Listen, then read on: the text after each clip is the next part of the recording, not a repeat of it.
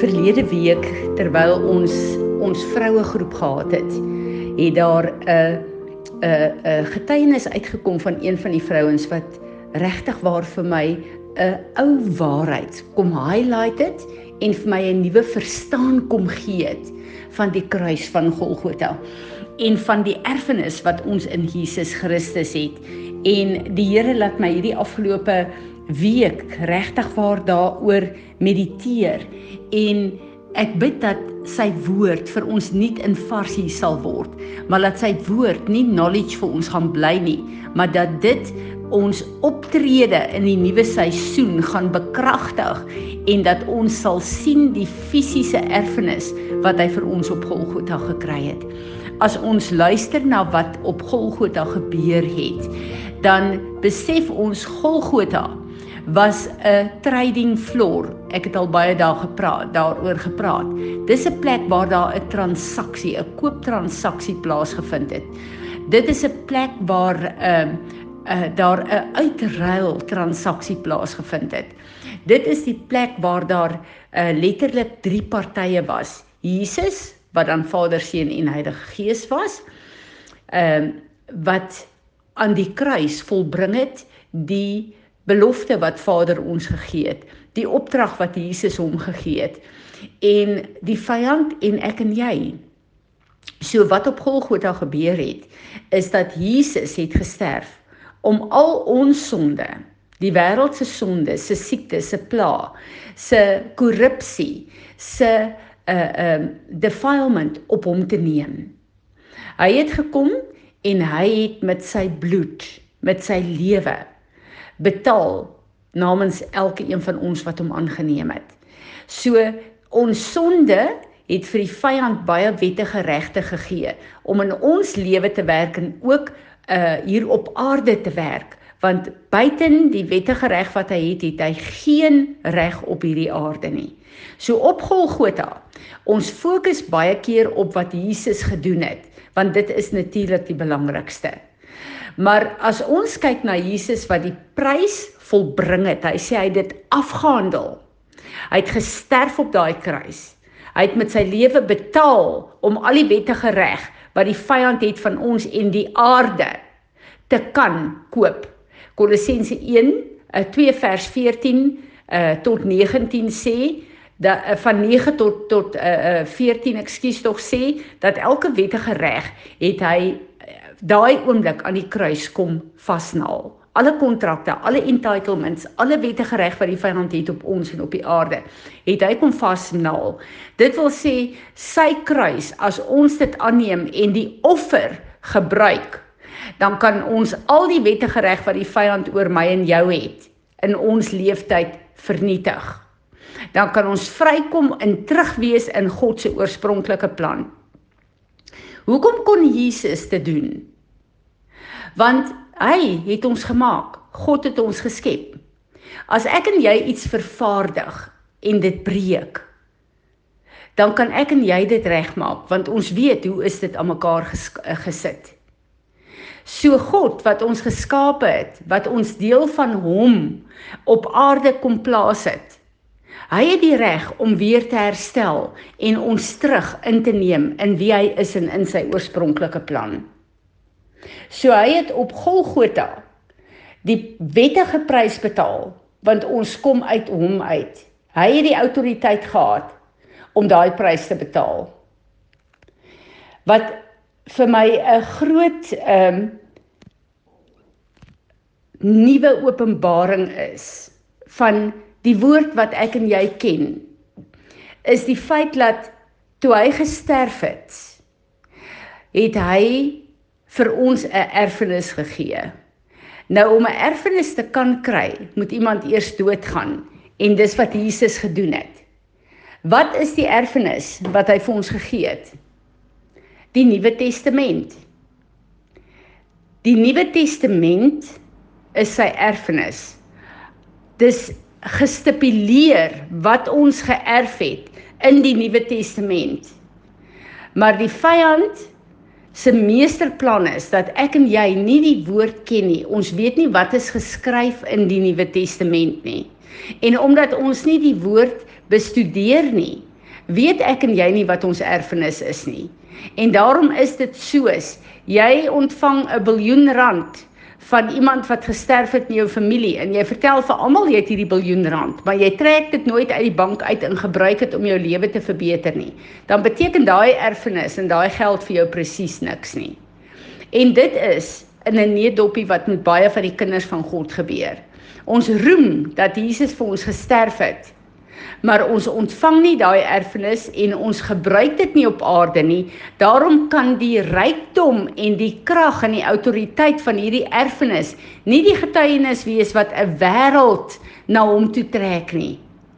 En ek en jy bly naam Christene en is vir ons genoeg dat ons gered is en dat ons op pad hemel toe is. Hierdie is 'n seisoen waar die Here gaan kom en dit gaan kom verander. En ek wil vir ons lees Efesiërs 1 vers 11 tot 17. In him we also have received an inheritance, a destiny we have claimed by God as his own. We were claimed by God as his own.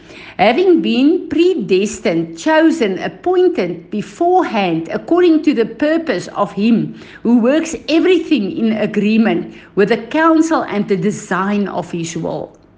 Hy het ons kom terugkoop vir die destiny, die lewe wat ek en jy op aarde moet voer waar hy voor die grondwêreld eh, die grondlegging van hierdie wêreld het Vader Seun en Heilige Gees met die council van die hemel besluit wat is sy ontwerp vir ons en hoe gaan ons lewe lyk en wat van God gaan ons manifesteer op aarde so that we first uh, the, we who were the first to hope in Christ, who first put our confidence in Him as our Lord and Savior, would exist to the praise of His glory.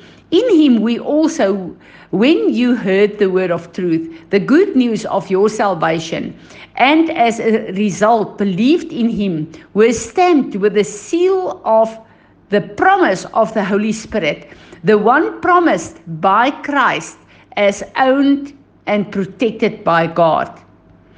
The Spirit is the guarantee, the first installment, the pledge, the foretaste of our inheritance until the redemption of God's own purchased possession, his believers to the praise of his glory. Wanneer ons kyk na 'n wettige transaksie, dan moet daar altyd 'n stempel wees, 'n seël wees wat sê hierdie transaksie is wettig volgens die reëls van hierdie land se regstelsel. Enigiets wat gekoop moet word, alle dokumente wat bekragtig word, kry 'n stempel van egtheid en ook om te sê dat hierdie transaksie voldoen al die wettige implikasies wat nodig is, al die wettige uh, reëls wat gehoorsaam moet wees uh, om hierdie uh, transaksie wettig en geregtig te maak. Elke transaksie het dit nodig. Hier kom die Here en sê, ons het nie net hierdie transaksie afgehandel waar ons gekoop is uit die hand van die vyand uit nie. Maar die Heilige Gees het gekom en sy stempel op ons lewe gesit. Wat is die bewys daarvan? Die bewys is dat hy nou in ons lewe Hy is nie net op ons gesit nie. Hy lewe in ons. Hy's nou deel van ons. So God het nou gekom en gesê, hierdie erfenis wat ek gegee het, die autoriteit wat ek gegee het, die rykdom van die hemel wat hierdie erfenis uh insluit. Ek kom gee nou myself as deel van jou om saam met jou te lewe om te sorg dat alles wat jy onttrek wettig is, maar bekragtig word en deel sal word om in en deur jou lewe te manifesteer. En dan kom hy en hy bring die prinsipel van 'n first fruit hier in en sê dat wanneer 'n eerste vrug neergesit word, dan beteken dit hierdie is soos 'n down payment, dis die eerste paaiement van die res wat volg. So wanneer jy 'n eerste vrug gee, dan sê jy daarmee, hierdie is 'n gedeelte wat ek sê, ek open die res van wat ek moet ontvang. Maar hierdie is 'n gedeelte, dis die eerste vrug wat ek in geloof kom. As ek en jy vir God 'n eerste vrug kom gee, dan kom ek en jy en ons plaas dit neer en ons sê God, ons eer U met 'n eerste vrug, want ons weet hierdie gedeelte is soos 'n paaiement van die res wat volg. En daar word 'n alignment van 'n release uh, in die hemel oopgemaak wat uh, die res van hierdie eerste vrug volg. Daarom is die uh first fruit so belangrik en waar ons weer opgaan na Pessach toe wanneer ons 'n first fruit day is dan kom ons en ons eer God met 'n first fruit om te sê Here ons kom plaas hierdie first fruit op Jesus Christus ons first fruit en alles wie hy is hierdie is 'n down payment om u te eer om te sê ek ontvang die res wat ek mag ontvang deur die beginsel van hierdie eerste vrug Die Heilige Gees is die first fruit wat God vir ons gee. Die res, alles wat Jesus afgehandel het, oorwin het, volbring het op Golgotha, is die res wat moet volg in my en jou se lewe. So God het gekom en ek en jy het niks hier bygedra nie. Hy het hierdie volle prys gegee. Hy het ook vir ons die first fruit kom neersit as die eerste paaiement om te sê, hier is die first fruit. Nou moet julle die res in ontvangs neem, want die first fruit maak die deure oop van die volheid van hierdie erfenis wat julle ontvang het. Is dit nie absoluut amazing nie?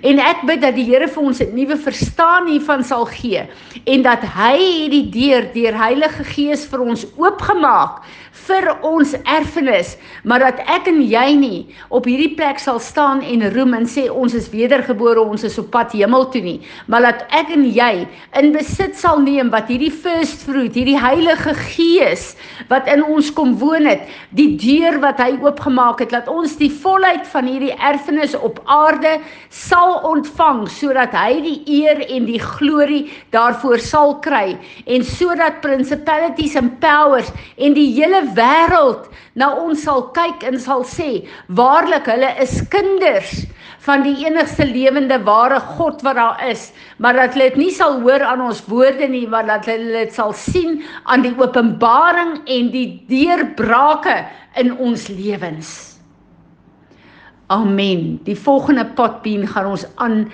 om 'n bietjie te kyk na hierdie inheritance.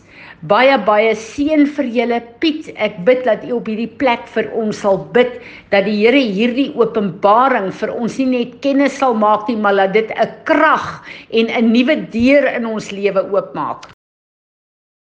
Ja Jesus, ek wil vir u dankie sê vir die inheritance wat u vir ons gelos het. Dankie dat dat u ons nie alleen gelos het nie, dat u ons nie gelos het uit uitgelewer in hierdie aarde nie. Here, maar dankie dat U 'n plan gehad het. Dankie dat U 'n besonderse plan gehad het sodat ons in oorwinning kan loop in hierdie leeftyd al.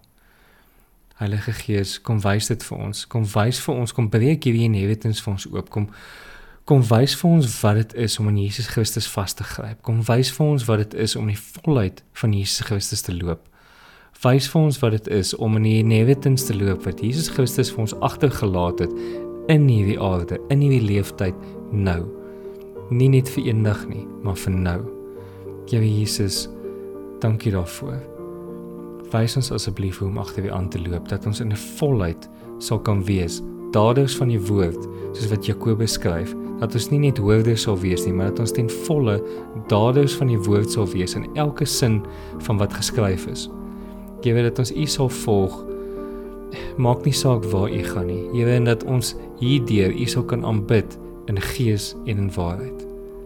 Dankie vir u grootheid, Here. Jy dank vir vir hom elkeen wat hierna luister te seën met die openbaringskennis van u. Jy seën hulle met die inheritance wat u vir hulle beplan het. Seën hulle met die volheid van Jesus Christus in hulle lewens. Seën hulle met die volheid van die inheritance wat Jesus agtergelaat het. Dankie Here Jesus dat U elkeen van ons gemaak het. Dankie dat U na elkeen van ons kyk. En dankie dat elkeen vir U belangrik is. En dankie dat jy elkeen in die hande vashou. Dankie dat jy oorwinning vir elke ene is. Dankie daarvoor, Here. Amen.